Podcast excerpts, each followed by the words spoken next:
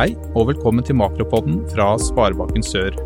Følger du med på aksje- og valutamarkedet? Ja, da er dette podkasten for deg. Her får du et overblikk over hva som skjer rundt i verden, hvorfor det skjer, og hvilke konsekvenser det har.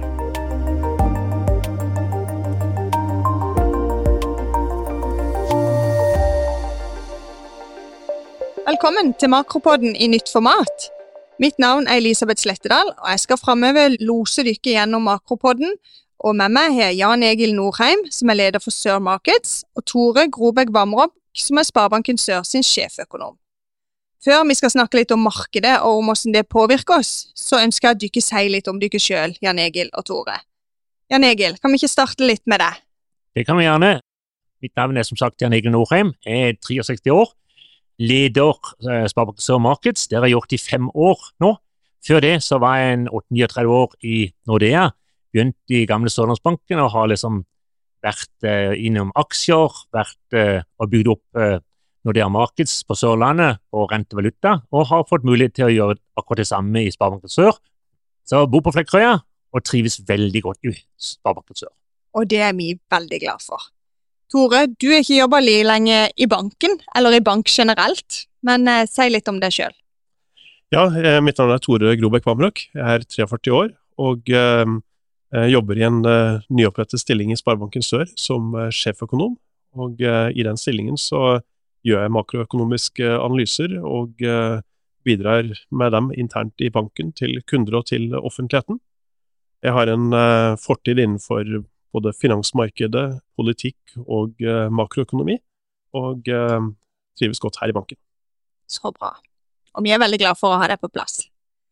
Ingen tvil om at det er mye kompetanse med oss i Makropodden. Det vi skal snakke litt om, er jo hva som skjer i verden, og så skal vi trekke det hjem til Norge, og ikke minst til Sørlandet. Jan Egil, kan ikke du si litt om verdensbildet og hva som rører seg der nå?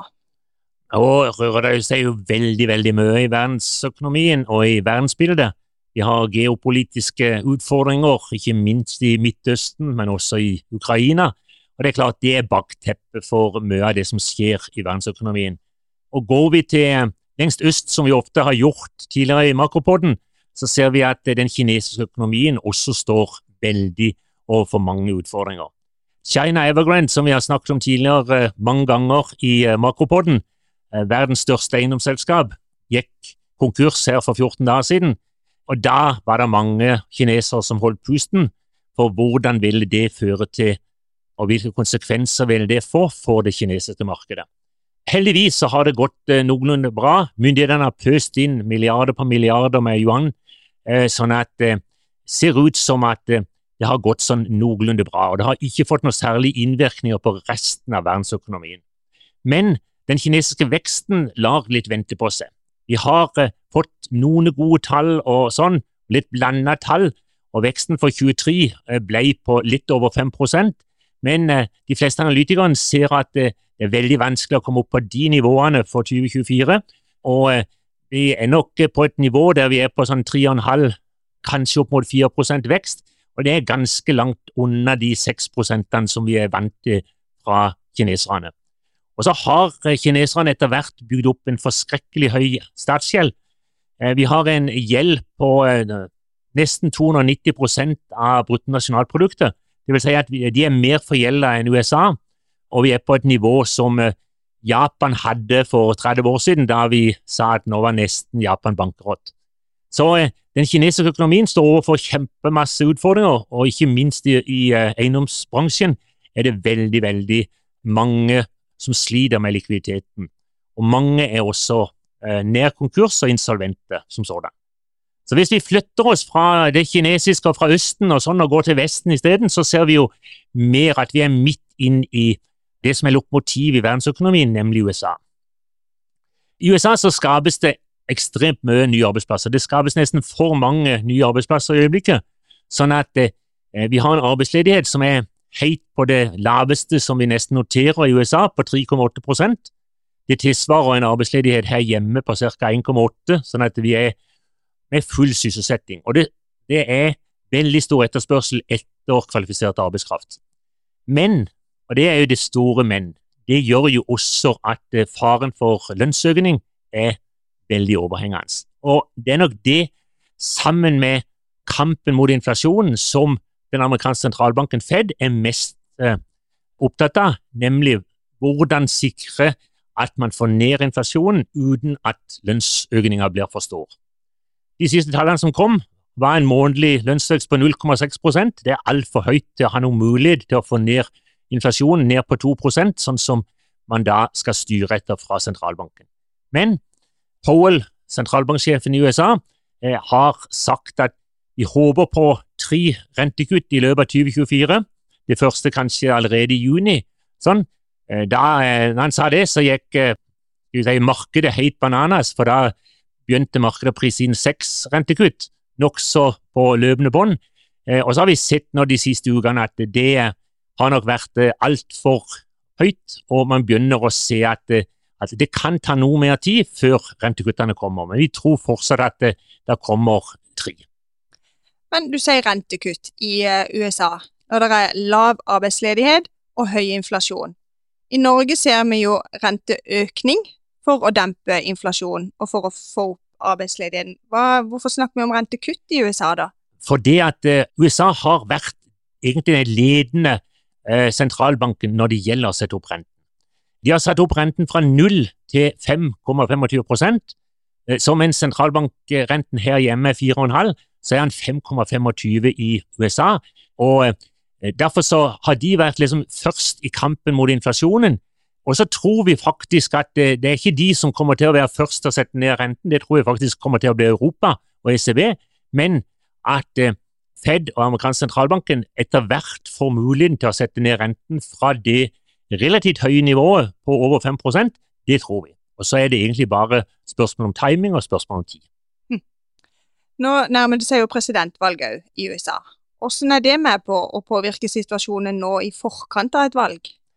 Nei, Det er vel kanskje det eh, tusenkronersspørsmålet, og, og kanskje den største usikkerheten som finnes i nesten hele verdensøkonomien, og ikke minst i amerikansk økonomi. Hva vil det bety hvis Trump blir president i november 2024? Det, det, der er det så mange usikkerheter at eh, jeg tror ikke markedet riktig tør ta inn over seg noe av dette. Eh, så, så, får vi se. Når vi kommer litt nærmere, så er det klart så begynner effekten av dette å, å måtte komme inn i markedet. Men foreløpig så tror jeg alle holder pusten og håper at uh, kanskje Høyesterett hadde kommet til en kjennelse om at uh, ikke kunne stille, men det er nok en ønsketenkning, tenker jeg. Mm. Nå har du sagt litt om Kina, urolighetene der, og, og beskrevet godt situasjonen i USA. Hvordan påvirker dette Europa for øvrig, da? Vi har sett litt den samme eh, status i Europa som vi har sett i USA. Men eh, den økonomiske veksten er litt lavere i Europa, ikke minst i Nord-Europa. Tyskland sliter noe mer, sånn at vi har vært helt på grensen til det som vi kaller resesjon, dvs. Si en negativ vekst over to kvartaler. Så vi tror faktisk at det, inflasjonen vil komme først nedover i Europaområdet. Eh, vi ser at det er muligheter for at eh, selve kjerneinflasjonen to år fram kan allerede nå i litt utpå vårparten være nede på 2% Så vi tror faktisk at det er Europa som kommer til å sette ned renten først, og vi tror kanskje at Lagarde i ECB, Europeisk sentralbanken, vil sette ned renten i april. Det er det vi egentlig håper på. Og så tror vi som sagt at eh, amerikanerne kommer etterpå i juni. Mm. Hva tror vi i forhold til valutakursen, da? Det, nå er vi ute i februar, folk begynner å planlegge sommerferien. Hva tenker vi om den norske krona? Vi tror, nå kommer Tore litt mer inn på hva, hva som skjer for Norge som sådan, men vi tror egentlig på en relativt stabil eh, valutasituasjon når det gjelder eh, norske kroner mot euro. Så tror vi kanskje at eh, dollaren vil svekke seg litt både mot euro og mot norske kroner. Eh, men her er det også veldig veldig mange faktorer. Eh, den hovedfaktoren som sikkert Tor kommer inn på nå, det er lønnsoppgjøret. Hva skjer der? Så vet vi, og det, vi, eh, det har dere hørt mye om i Makropoden tidligere, at Norges Bank kjøper masse valuta og selger norske kroner i forhold til oljefondet. De tallene som da var på ca. 1,4 til 1,3 milliarder før jul, er nå blitt 350 millioner i måneden. Og det sånn isolert sett, det hjelper jo krona til at ikke svekkes. Vi så en ganske klar eh, bedring på krona rundt nyttår, og så har vi fått det litt sånn skvalp etterpå. sånn at, eh, Men vi er 2-3-4 prosent bedre for krona enn det vi var på det verste i eh, tidligere høst. Mm. Da beveger vi oss litt hjemover til Norge, og kanskje til og med til Sørlandet òg etter hvert, Tore. Hæ? Kan ikke du si litt om situasjonen her? Ja, og, og, det er jo viktig å ha det internasjonale med i bakgrunnen, nettopp fordi at det er internasjonale forhold som har brakt oss eh, dit vi er nå, i en situasjon med dyrtid, med høy prisvekst og høy rente. Det skyldes jo først og fremst at vi kom ut av pandemien med mye oppdemmet eh, etterspørsel, uh, høy kjøpekraft og flaskehalser i forsyningskjedene. Og så ble det avløst direkte av høye energipriser som følge av uh, Russlands aggresjon mot Ukraina og mot Europa. som har ført til høy prisvekst, som har skylt gjennom hele, hele økonomien. Så nå, nå, står vi i en situasjon med, med en fortsatt høy prisvekst på 4,7 prisvekst og 5,3% kjerneinflasjon, altså godt over inflasjonsmålet på 2% og det er jo den oppgaven som Norges Bank har, å bringe inflasjonen ned mot 2% Det som er interessant eh, fremover, det, det er å se hvordan, eh, hvordan eh, lønnsoppgjøret vil påvirke inflasjonen. For det som vi har sett eh, nå med de siste inflasjonstallene, det er at den største bidragsyteren til eh, inflasjonen, det er prisveksten innenfor tjenestesektoren, altså som er lønnsdrevet. Så eh, det indikerer en fare for at uh, inflasjonen er i ferd med å bite seg fast, uh, og med da fare for at vi får en pris- og lønnsvekstspiral hvis en ikke gjør noe med det. Det betyr at det vil være avgjørende hvordan partene i lønnsoppgjøret nå opptrer til våren. Der har jeg tro på at de finner en, en fornuftig og ansvarlig løsning. Men det gjør også at jeg tror Norges Bank vil være forsiktig med å sette ned renten til de har sett hvordan lønnsoppgjøret kommer vel i havn. Kanskje vi får en rentereduksjon eh, i junimøtet i sentralbanken. Eh, og deretter tror jeg på et par rentereduksjoner utover eh, høsten. En annen ting som vi har vært veldig opptatt av i det siste, er jo dette med arbeidsledigheten, òg i Norge. Jan Egil sier at den er veldig lav i USA. Det er han jo fortsatt her òg. Kan du si litt om det? Ja, arbeidsledigheten ligger fremdeles på et helt rekordlavt nivå på 2,1% nasjonalt og 2,2 eh, her i vår region. Eh, så det er eh, egentlig overraskende lavt med tanke på at vi har hatt tidenes bratteste og, sterkeste renteheving. Da skulle en tro at arbeidsledigheten økte ganske betydelig, men vi, vi er fremdeles da på et nivå under normal arbeidsledighet. Så kan man spørre seg om hvorfor, hvorfor skjer det. Um, og jeg tror at en del eh, bedrifter vegrer seg mot å, eh, mot å permittere eller si opp ansatte, fordi de vet at eh, da, da, vil de ansatte forsvinne ut. De får dem ikke tilbake igjen. Det er såpass hett arbeidsmarked samlet sett at man kanskje velger å, å redusere overskuddet og heller beholde noen flere av de ansatte. Ja, men det må jo bety at de er optimistiske, da? At de tenker at det vil bli bedre tider, og da vil man trenge den arbeidskraften man har i dag. At det er en eh, optimisme. Ja, og samlet sett så er det nok en, eh, en Vi ser det på, på bl.a. Norges Banks regionale nettverk, så, så, har vi samlet sett en svak optimisme her i, i vår region på Sørlandet. Eh, så er det på nasjonalt nivå litt eh, svak, svak pessimisme. Men først og fremst så ser vi en todeling av norsk økonomi. Det ser vi både i Norges Banks analyser, og vi ser det i vår egen økonomisk rapport som vi har utarbeidet sammen med Næringsforeningen i Kristiansandsregionen. At det er eh, stort sprik mellom energisektoren på den ene siden, hvor man pga. gode priser, både innenfor fornybar energi og i leverandørindustrien til oljen, så eh, har man sterk optimisme, sterk resultatvekst. Mens på den andre siden, bygg og anlegg, der er det råstopp på veldig mange deler av, eh, av jobbene deres, eh, og med utsikter til eh, mye dårligere resultater. Du, jeg hang meg litt opp i at Jan Egil eh, sa at det var ganske dårlig stelt i Kina. Både med gjeld og, og alt, alt, det som var galt i Kina.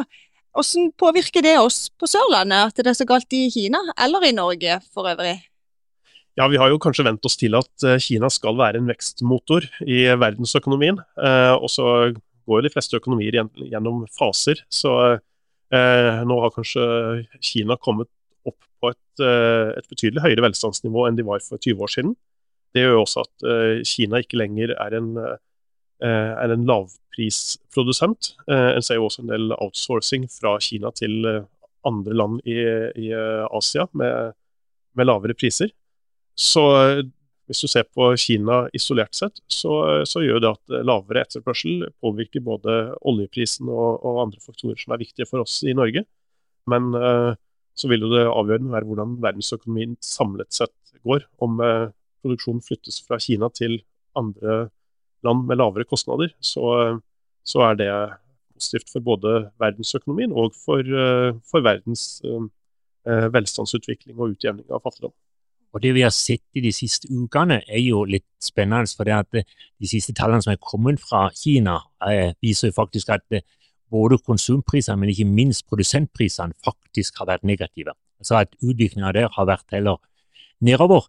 Det kan jo bety litt for uh, at det blir større muligheter for å få ned inflasjonen, også både i USA og resten av verden. Så det er spennende.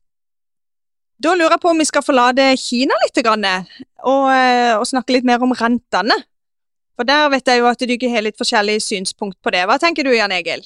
Ja, eh, nå ble jo Tore landskjent for det at han eh, som en av de få eh, sjefsøkonomene trodde på en ekstra kvarting før jul. Altså at, eh, at Norges Bank skulle sette opp til 4,5, og fikk rett i det. Og så er vi vel, så jeg nok ikke er fullt så positiv til Eh, den videre gangen som Tore. Han tror kanskje på at det kommer i juni, så heller nok jeg litt til at det kommer i september. Eller kanskje at uh, Ina vil uh, rett og slett gi første kvartingen ned i Sparebanken Sørs lokaler under Arendalsuka i august. Det hadde jo vært en betimelig tidspunkt for å, å liksom si at nå kommer den første rentenedgangen. Så jeg er nok der. Jeg ligger et par måneder etter Tore i løypa. Ja, jeg tror det vil være avgjørende hvordan, eh, hvordan lønnsoppgjøret går, eh, i tillegg til andre, andre overraskelser som eh, markedet kan gi Norges Bank. Og så er jeg nok optimistisk med tanke på at partene i arbeidslivet i frontfaget, som har tjent oss veldig godt gjennom mange år, at de viser den ansvarligheten som er nødvendig for å kunne gi rask rentenedgang, altså allerede før sommeren. Men det vil bli helt, helt avgjørende. Og så ser vi at den uh, svake kronen som vi har nå, og som vi kan forvente at vil, vil, fortsette fremover, den gjør at lønnsomheten i eksportnæringen er eksepsjonelt god. Og det er jo nettopp eksportnæringen som, som er deltaker i frontfaget fra arbeidsgiversiden. Det er jo egentlig fordi at de har da så god råd til å kunne gi gode oppgjør som da igjen vil smitte over på stat og kommune og, og den delen. Eh, som gjør at jeg er nok litt betenkt på at det kommer fullt så fort. Så det blir spennende å se. Mm.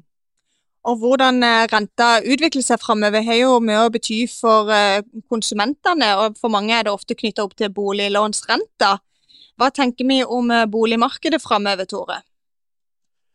Ja, rentene er helt avgjørende for, for folk som skal inn på boligmarkedet eller kjøpe seg opp i boligmarkedet. Eh, og jeg tror det avgjørende signalet vil være når Norges Bank setter ned renten for første gang og eh, signaliserer at nå skal det bare én vei. Eh, fordi nå har nok boligkjøperne hittil vært redd for at renten skal gå ytterligere opp, så man føler kanskje at man har strukket strikken så langt man kan. Og da er det vanskelig å budsjettere med hva, man har råd til å kjøpe av bolig. Eh, når vi ser at renten går ned, så, så eh, begynner da psykologien å snu i markedet. Eh, og vi kan få et boligmarked som begynner å løsne. For jeg vil si at nå har boligmarkedet egentlig vært litt fast frosset. Det har vært ja, en flat prisutvikling, men samtidig knapt satt i gang noen nye leilighetsprosjekter. Det er Eh, det er nok mange boligkjøpere som sitter på gjerdet, og en del boligselgere også, som lar være å legge ut boligene sine nå i påvente av at markedet skal normalisere seg. Så eh, jeg ser veldig frem til at, eh, at renten settes ned for første gang, slik at vi kan få et, et litt mer sunt boligmarked med, med, god fart.